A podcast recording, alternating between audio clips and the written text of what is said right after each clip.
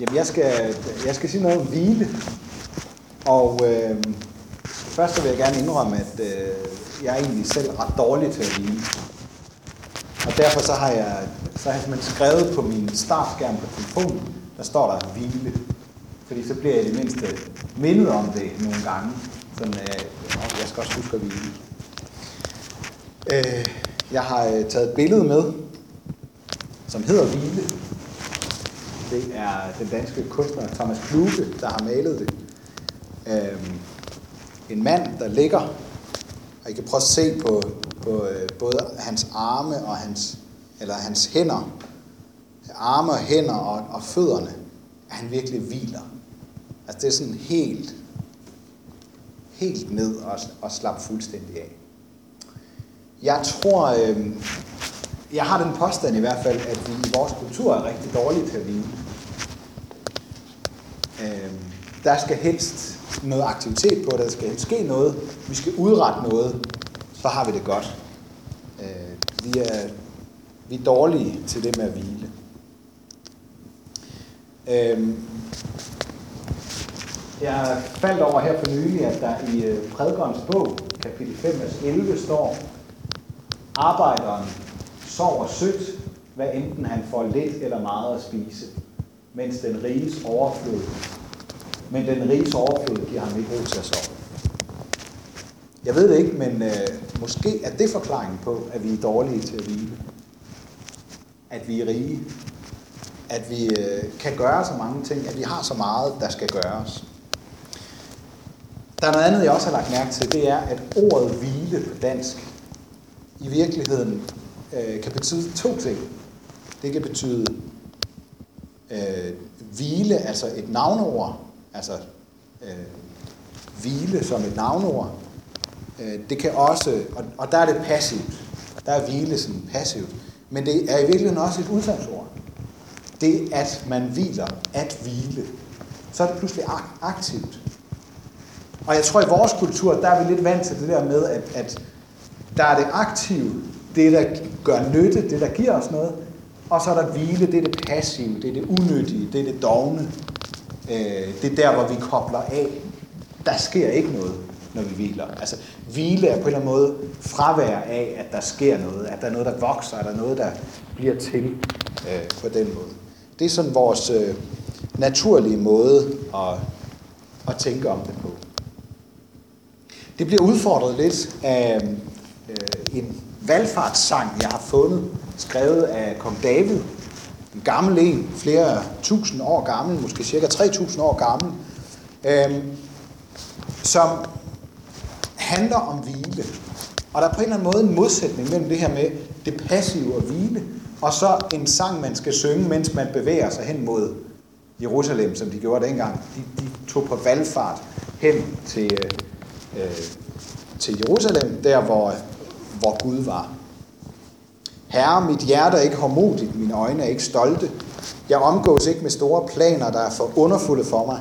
Nej, jeg bruger min sjæl til hvile og ro. Som barnet hos sin mor, som barnet er min sjæl i mig. Israel, vend på Herren fra nu af og til evig tid.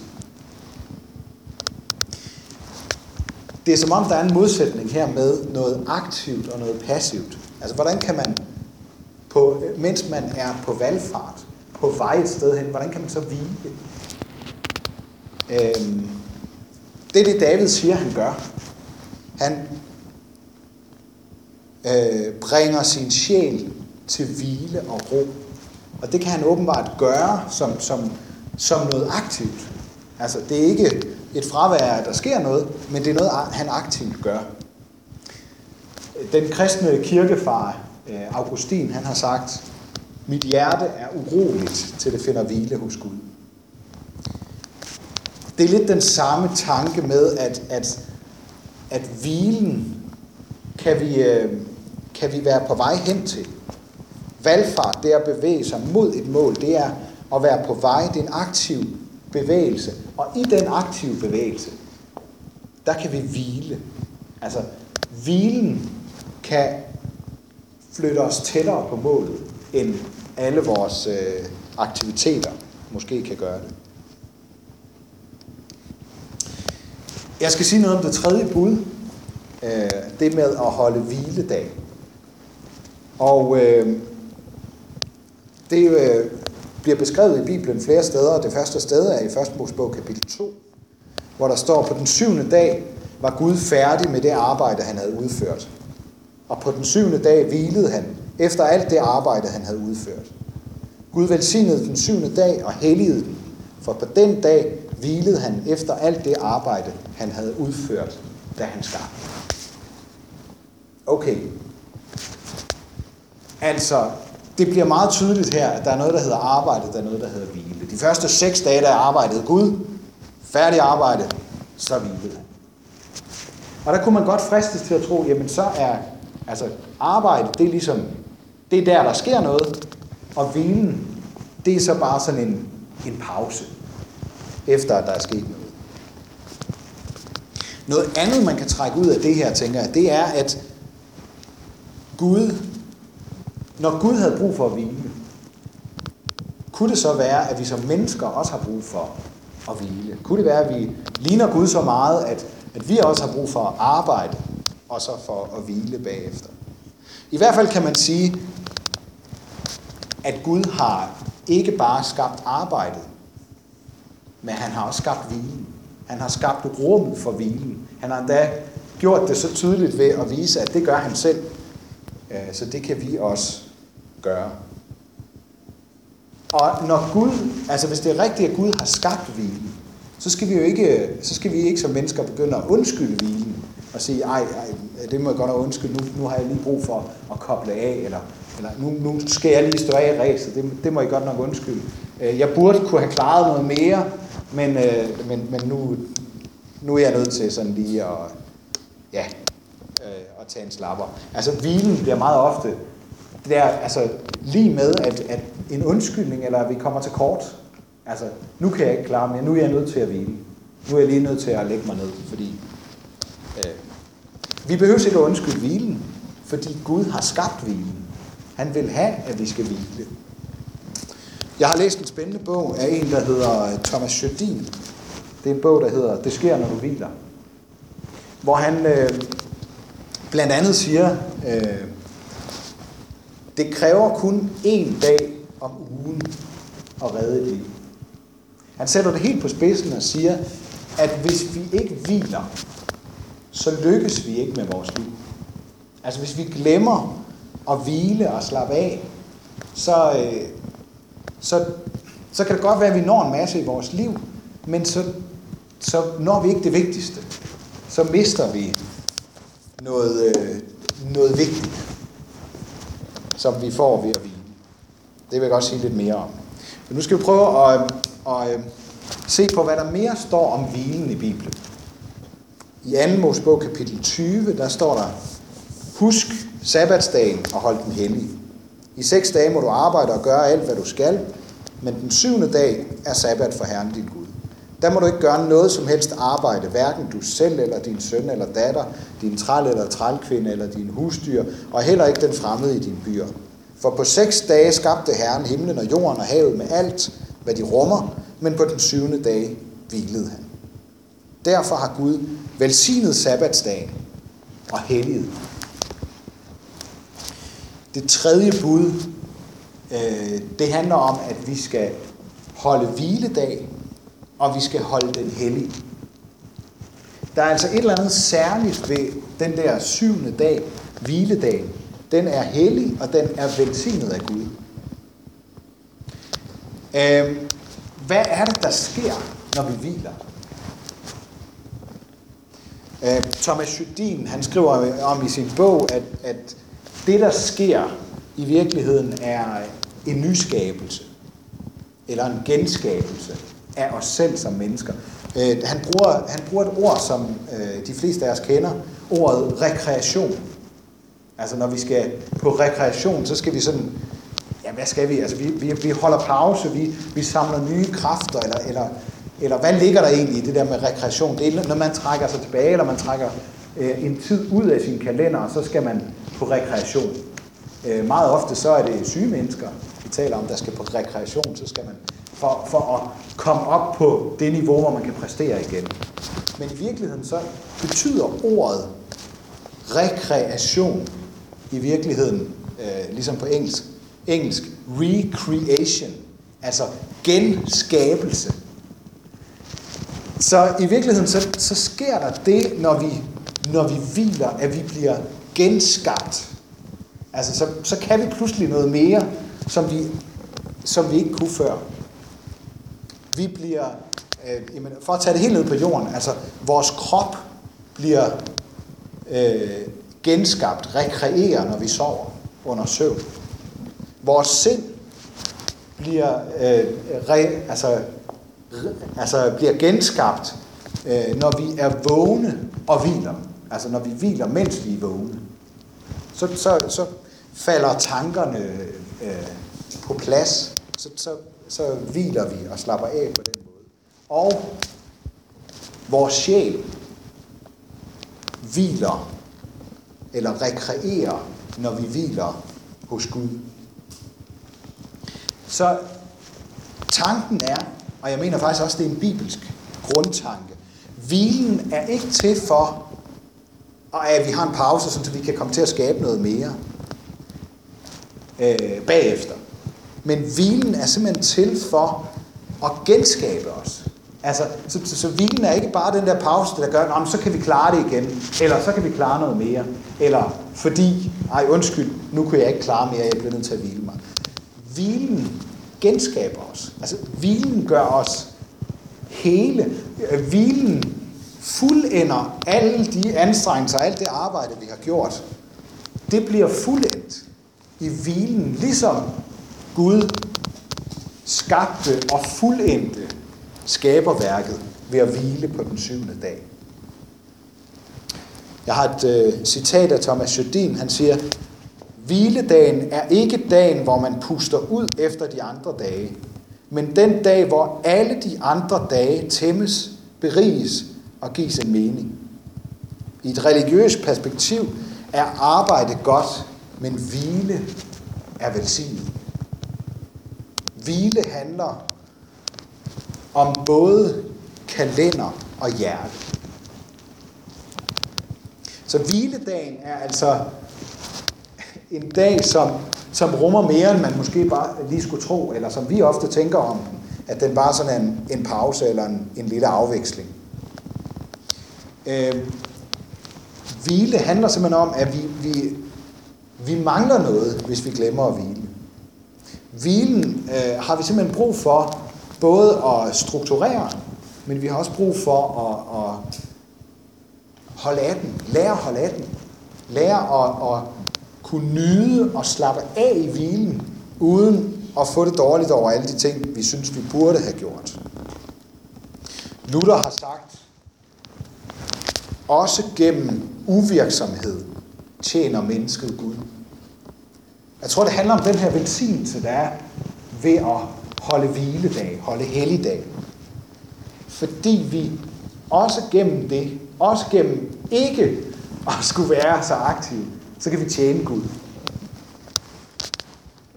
Så, så, kan det pludselig, så kan det pludselig blive stort, det der med at, at holde hviledag og hvile. Hvis vi læser videre i øh, Bibelen, så står der noget mere om hvilen, fordi hvilen får virkelig store ord sat på sig. Hviledagen for, øh, bliver virkelig løftet højt op. Øh, hvis I prøver at høre her fra 2. Mosebog kapitel 31. Sabbaten er et tegn mellem mig og jer. Slægt, I slægt efter slægt, for at I skal vide, at det er mig, Herren, som helliger jer. I skal holde sabbaten, for den er hellig for jer. Den, som vandhelliger den, skal lide døden.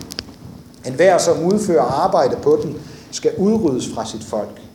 I seks dage må der udføres arbejde, men på den syvende dag skal der være fuldstændig hvile. Den er hellig for Herren. En hver, der udfører arbejde på sabbatsdagen, skal lide døden. Israelitterne skal holde sabbaten, så de fejrer sabbat slægt efter slægt som en eviggyldig pagt. Den er tegn mellem mig og israelitterne til evig tid. For på seks dage skabte Herren himlen og jorden, men på den syvende dag hvilede han og pustede ud.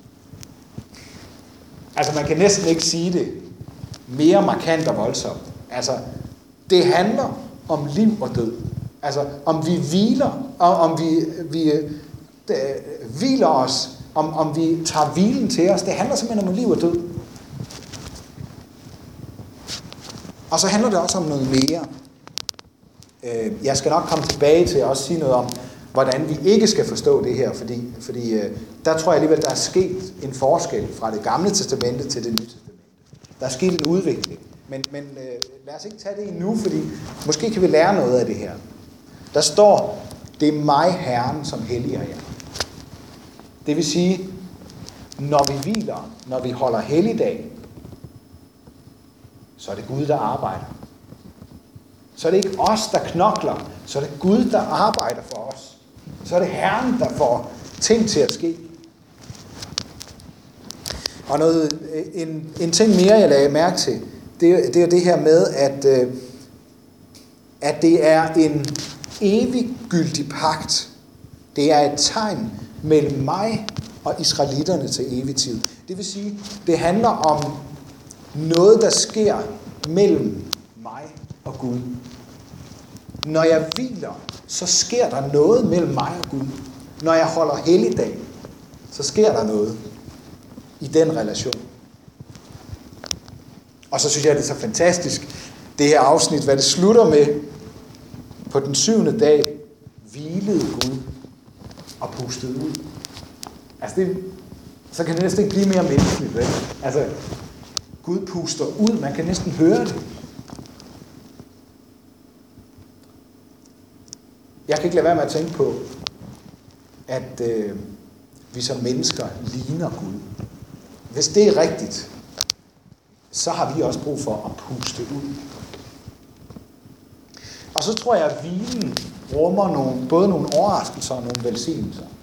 Hvis jeg skal komme med et eksempel på det fra, fra det gamle testamente, så øh, øh, ordnede Gud det på den måde, at mens de gik igennem ørkenen, så øh, sørgede han for, at der faldt manna, som de kunne spise hver dag ned fra himlen. Og øh, på den øh, 6. dag i ugen, der faldt der dobbelt så meget, så de kunne hvile og holde fri på den syvende dag.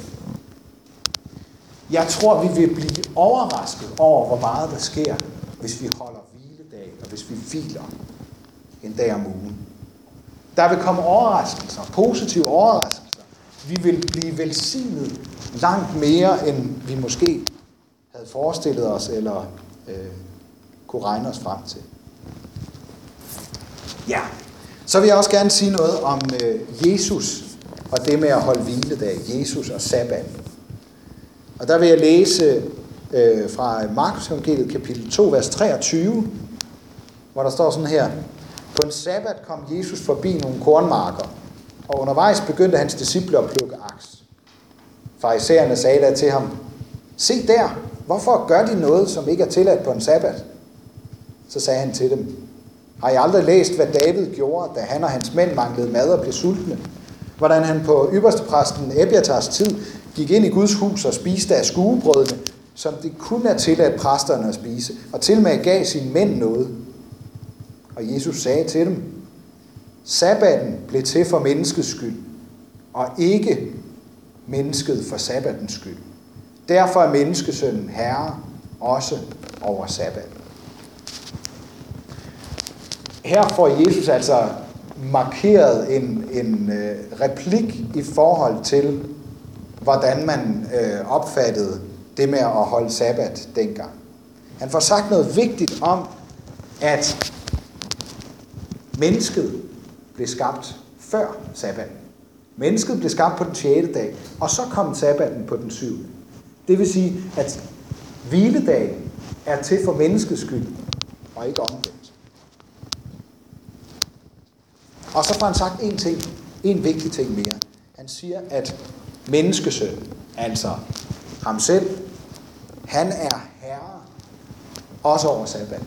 Så ham, der er herre over liv og død, er altså også herre over sabbat. Øh, på den måde får han også sagt, at det, der er vigtigt her, det er, at sabbaten, hviledagen, det at vi hviler os, ikke skal blive noget, vi skal, men netop skal blive en velsignelse for os. Og der handler det jo om, at, at det ikke kun er kalender, at vi, åh, oh, nu er det den dag, nu skal vi også hvile, men det handler også om, at vi tager den til hjerte. Altså, at vi får hjertet med i det, og, og øh, får øjnene op for, her er der overraskelser og velsignelser, som vi fuldstændig har glemt i vores kultur. Som simpelthen ligger og venter på os, hvis vi tager dem til os. De ligger der. Dagen står i kalenderen hver eneste uge. Velsignelserne og overraskelserne fra Gud er der.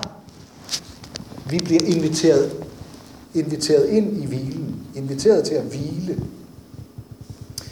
Øhm, man kan sætte det på spidsen og sige det. Jeg, jeg synes faktisk ikke, det er for meget på spidsen. Øhm, man kan sige det på den måde, at hvilen er vejen tilbage til det tabte paradis.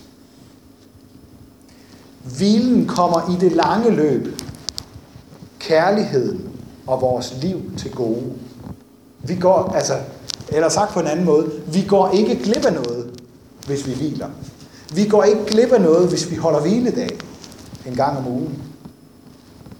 Det, der sker, når vi gør det, det er, at vi giver slip, og så lader vi livet komme til os, i stedet for, at vi skal ud og skabe vores liv. Det første, der skete efter, at Gud havde skabt mennesket, det har jeg nævnt, det var, at han hvilede sig. Det betyder også, at det første, der skal gøres, når vi skal gøre noget, det er, at vi skal hvile. Og så handler det også om, at Gud har skabt det hele. Han har givet os alt. Derfor kan vi også godt hvile, fordi det meste er allerede gjort af Gud. Sådan var det i skabelsen. Sådan er det sådan set stadigvæk. Mange af de ting, der bliver til noget, sker, når vi slipper og øh, lader Gud komme til. Når vi hviler og øh, beder om hans magt. Jesus siger om det her med hvile i Matteus evangeliet kapitel 11. Kom til mig, alle I, som slider jer trætte og bærer tunge byrder, og jeg vil give jer hvile. Tag mit åg på jer og lær af mig, for jeg er sagt modig og ydmyg af hjertet, så skal I finde hvile for jeres sjæle. For mit åg er godt, og min byrde er let. Man kan sige rigtig mange ting om hvile, men hvile gør byrderne lettere. Det er en bibelsk sandhed. Det er en sandhed, som vi også meget let kan finde ud af, øh, som med helt almindelige hverdagserfaringer. Hvile gør byrderne lettere. Og så siger Jesus også, at de byrder, vi ikke selv kan bære, dem må vi lægge over til ham. Og så vil han bære dem.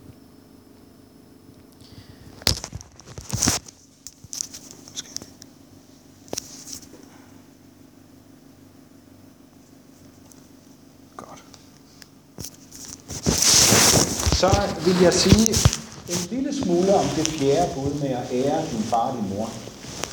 Øh, det er ikke ret meget, det bliver sådan lidt i forlængelse af det her med hvile, fordi jeg faktisk tænker, at der ligger noget hvile gemt i det fjerde bud også. I virkeligheden tænker jeg, at alle Guds ti bud til os rummer muligheden for velsignelse og hvile, hvis vi, øh, hvis vi øh, lever vores liv efter det. Også i forhold til det fjerde bud. Ær din far og din mor.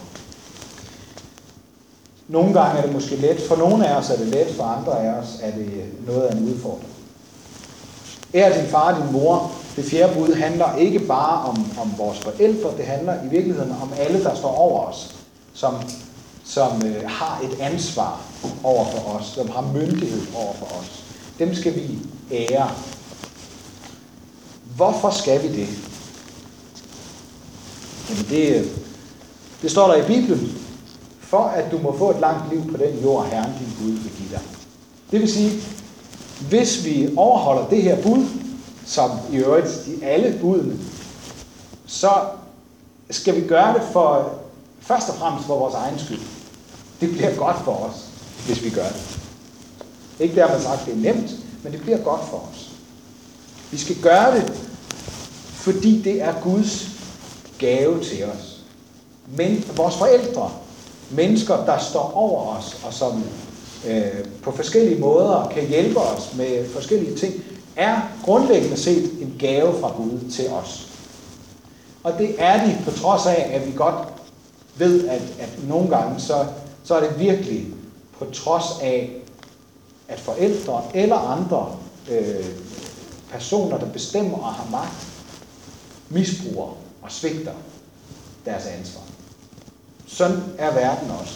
Det er det, der gør det svært at, at holde det her bud, fordi så længe øh, vi er glade for vores forældre og vores overordnede ledere osv., politikere, jeg skal komme efter dig, så er det jo ikke noget problem at snakke godt om det. Det er langt sværere, når, der, når vi ikke rigtig synes, der er så meget godt at sige.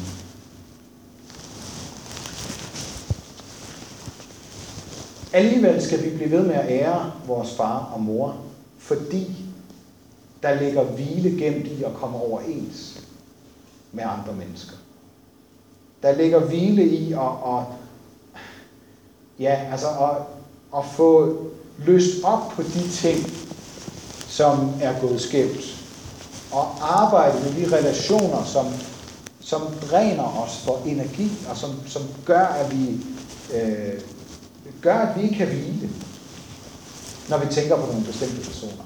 Jeg tror, I kender det der med, der, der kan være nogle personer, hvor man tænker, når jeg tænker på det menneske, så er der bare noget, der rører sig i mig.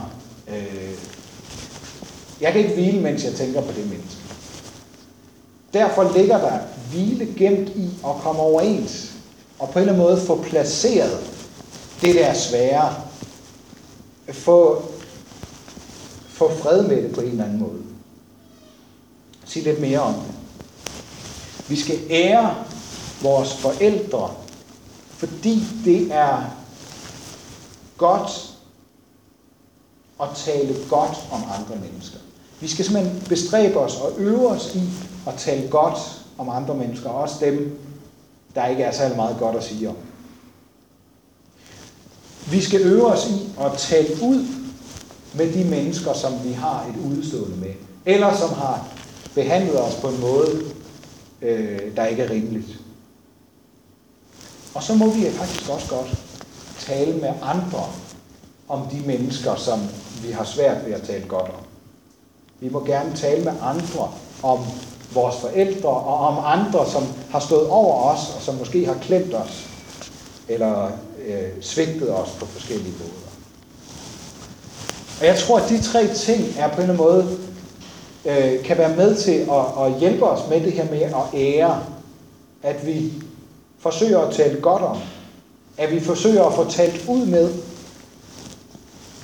og at vi også benytter muligheden for at kunne tale med andre om vores forældre eller andre mennesker, som, øh, som vi måske ikke har det super let med. Og så er der en grund mere til, at vi skal ære vores far og mor. Det er fordi vores far i himlen altid er klar til at forsone sig med os. Og derfor skylder vi også at være klar til at forsone os med andre mennesker. Jeg ved godt, at nogle gange, så, så, kan, det være, så kan det være så svært for os, at vi bliver nødt til at, at, at have det lidt som en teoretisk mulighed. Og sige, jeg kan ikke forsone mig med det her menneske nu. Måske kommer jeg aldrig til det. Men hvis der var mulighed for det, så ligger der utrolig meget hvile gemt i at komme overens og få placeret det, som, øh, som måske øh, er svært eller er gået galt. Det er så vigtigt altid at lade forsoningens mulighed stå åben, fordi vi selv lever af, at Gud aldrig lukker døren for os. Ja, så vil jeg vende lidt tilbage til det her med, at det sker, når vi, når vi hviler. Øhm,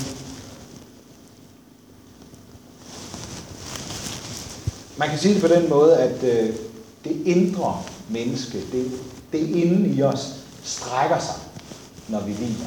når vi lægger os på sofaen, når vi kobler fuldstændig fra.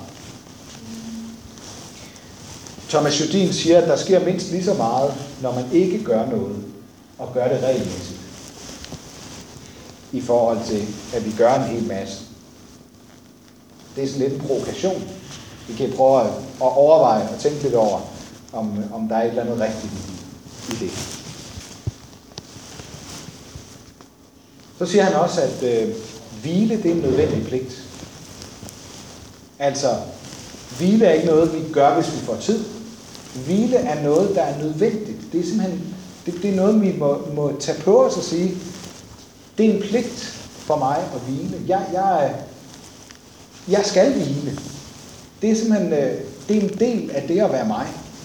Jeg har, jeg har ikke bare brug for at hvile, jeg har ikke bare lov til at hvile. Jeg skal hvile. Det er min opgave at hvile. Ifølge Luther tjener jeg endda Gud, når jeg hviler.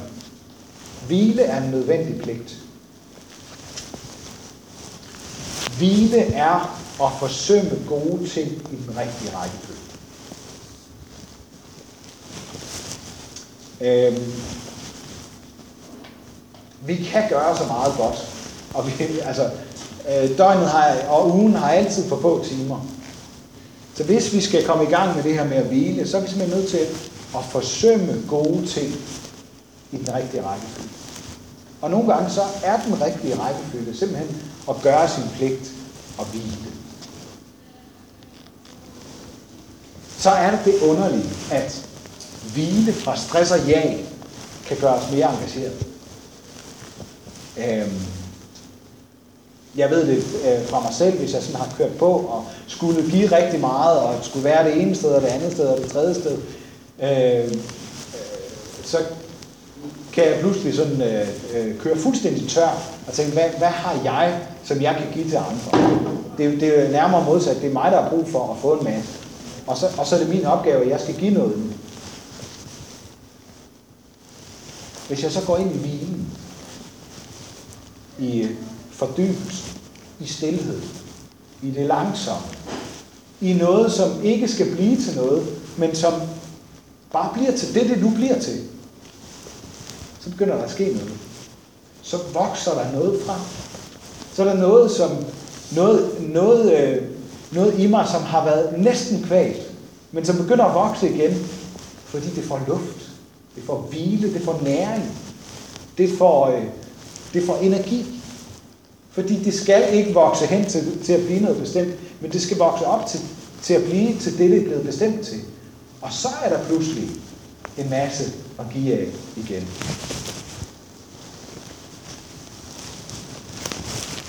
Jeg tror simpelthen, man kan sige det på den måde, at øh, evangeliet, det gode budskab fra Gud til os, det gemmer sig i Bibelen. Øh, jeg vil læse et, et citat her fra bogen, Det sker, når du hviler, som, øh, som er med til at, at sætte nogle ord på det.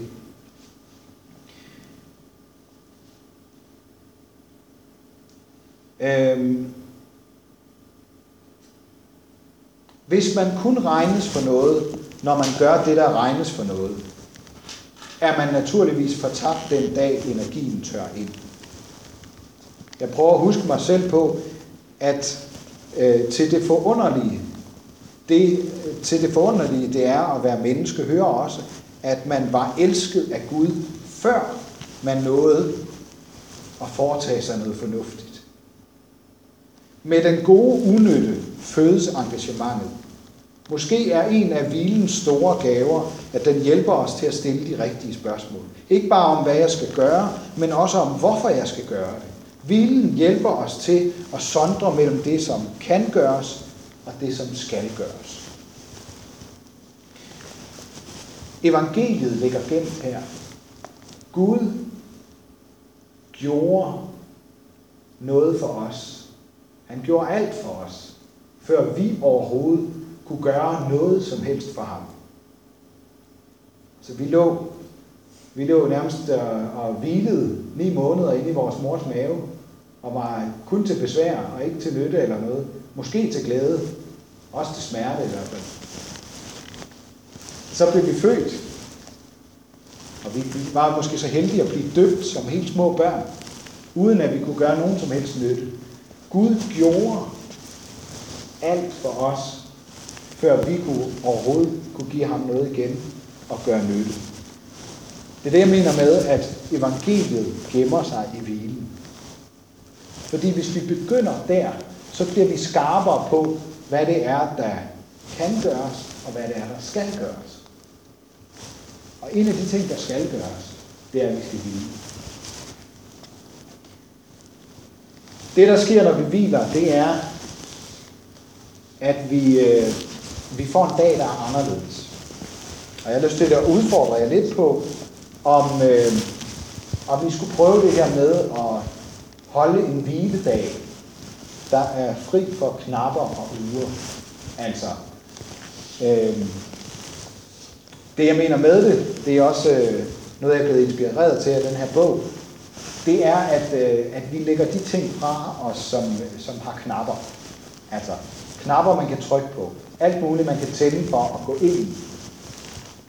Men at vi i stedet for bare er der, hvor vi er, sammen med dem, vi er sammen med. Og lad være med at lade alle mulige ting gå ind og forstyrre os og tage vores opmærksomhed.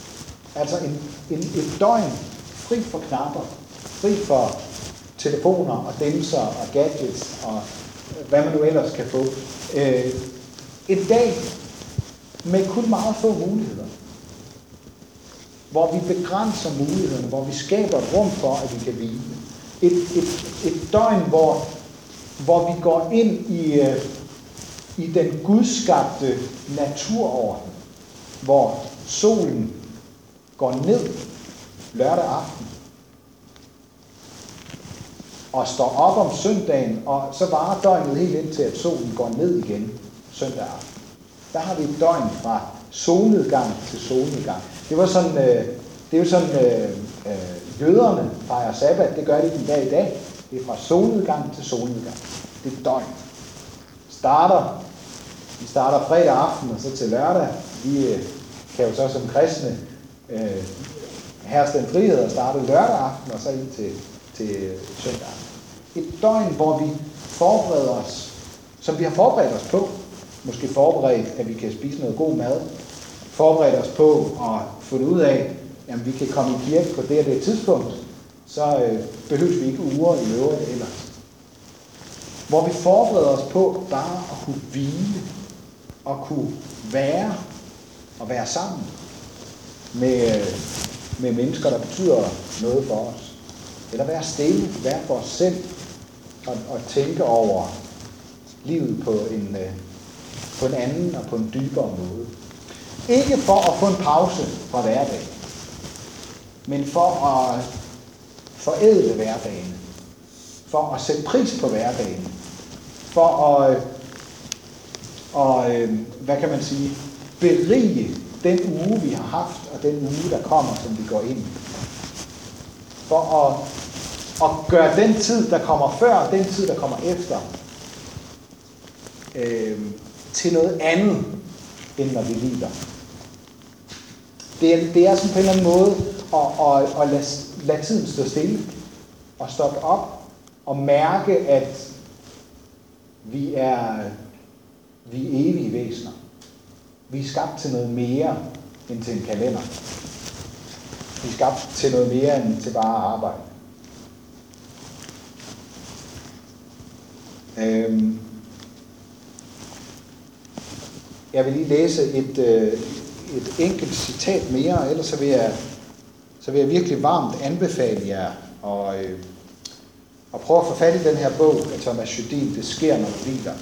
Der er, der er rigtig mange gode guldkorn i det, og der er også nogle, nogle vejledninger til, eller han kommer nogle eksempler på, hvordan han har indrettet sin hviledag. Sådan helt lavpraktisk. Øh, det er rigtig spændende at, at læse om, og det er spændende også at, at afprøve det, se hvordan det virker for en selv. Han siger sådan her, at hvile er at beslutte sig for, at det lige nu er godt nok.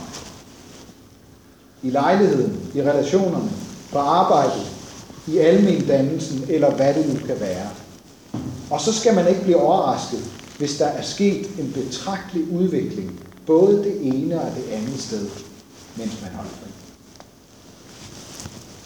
Om han har ret i det her, og i de andre ting, jeg har nævnt for jer, om, om der ligger overraskelser og velsignelser gemt i hvilen, jamen det må jo komme an på en prøve.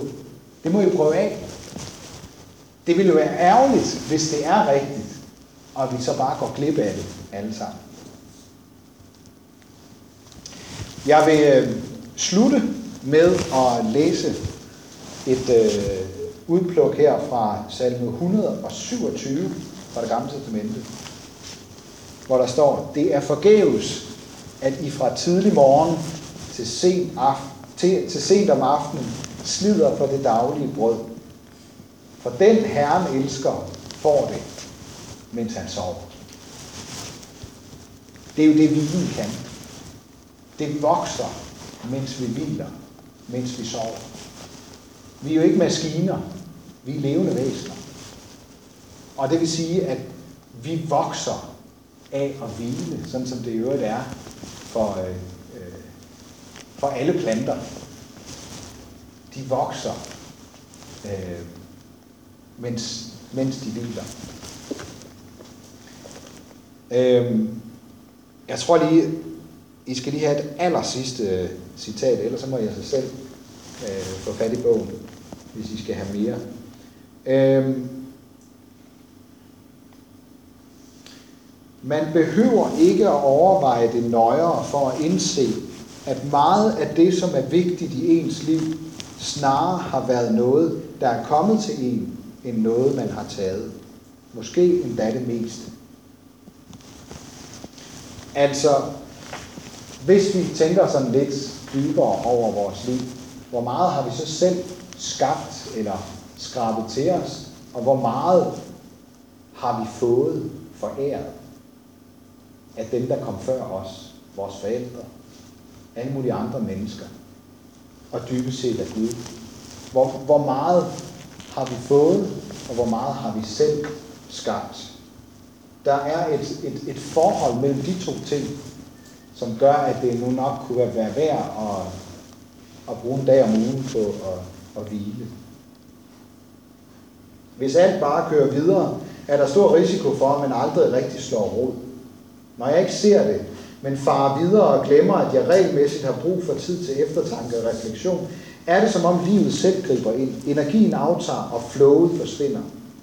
Det går træt, og så går det op for mig, at de stille dage er nødvendige for livets og for kærlighedens skyld. For den Herren elsker, får det, mens han sover. Lad os øh, bede en bøn her til sidst.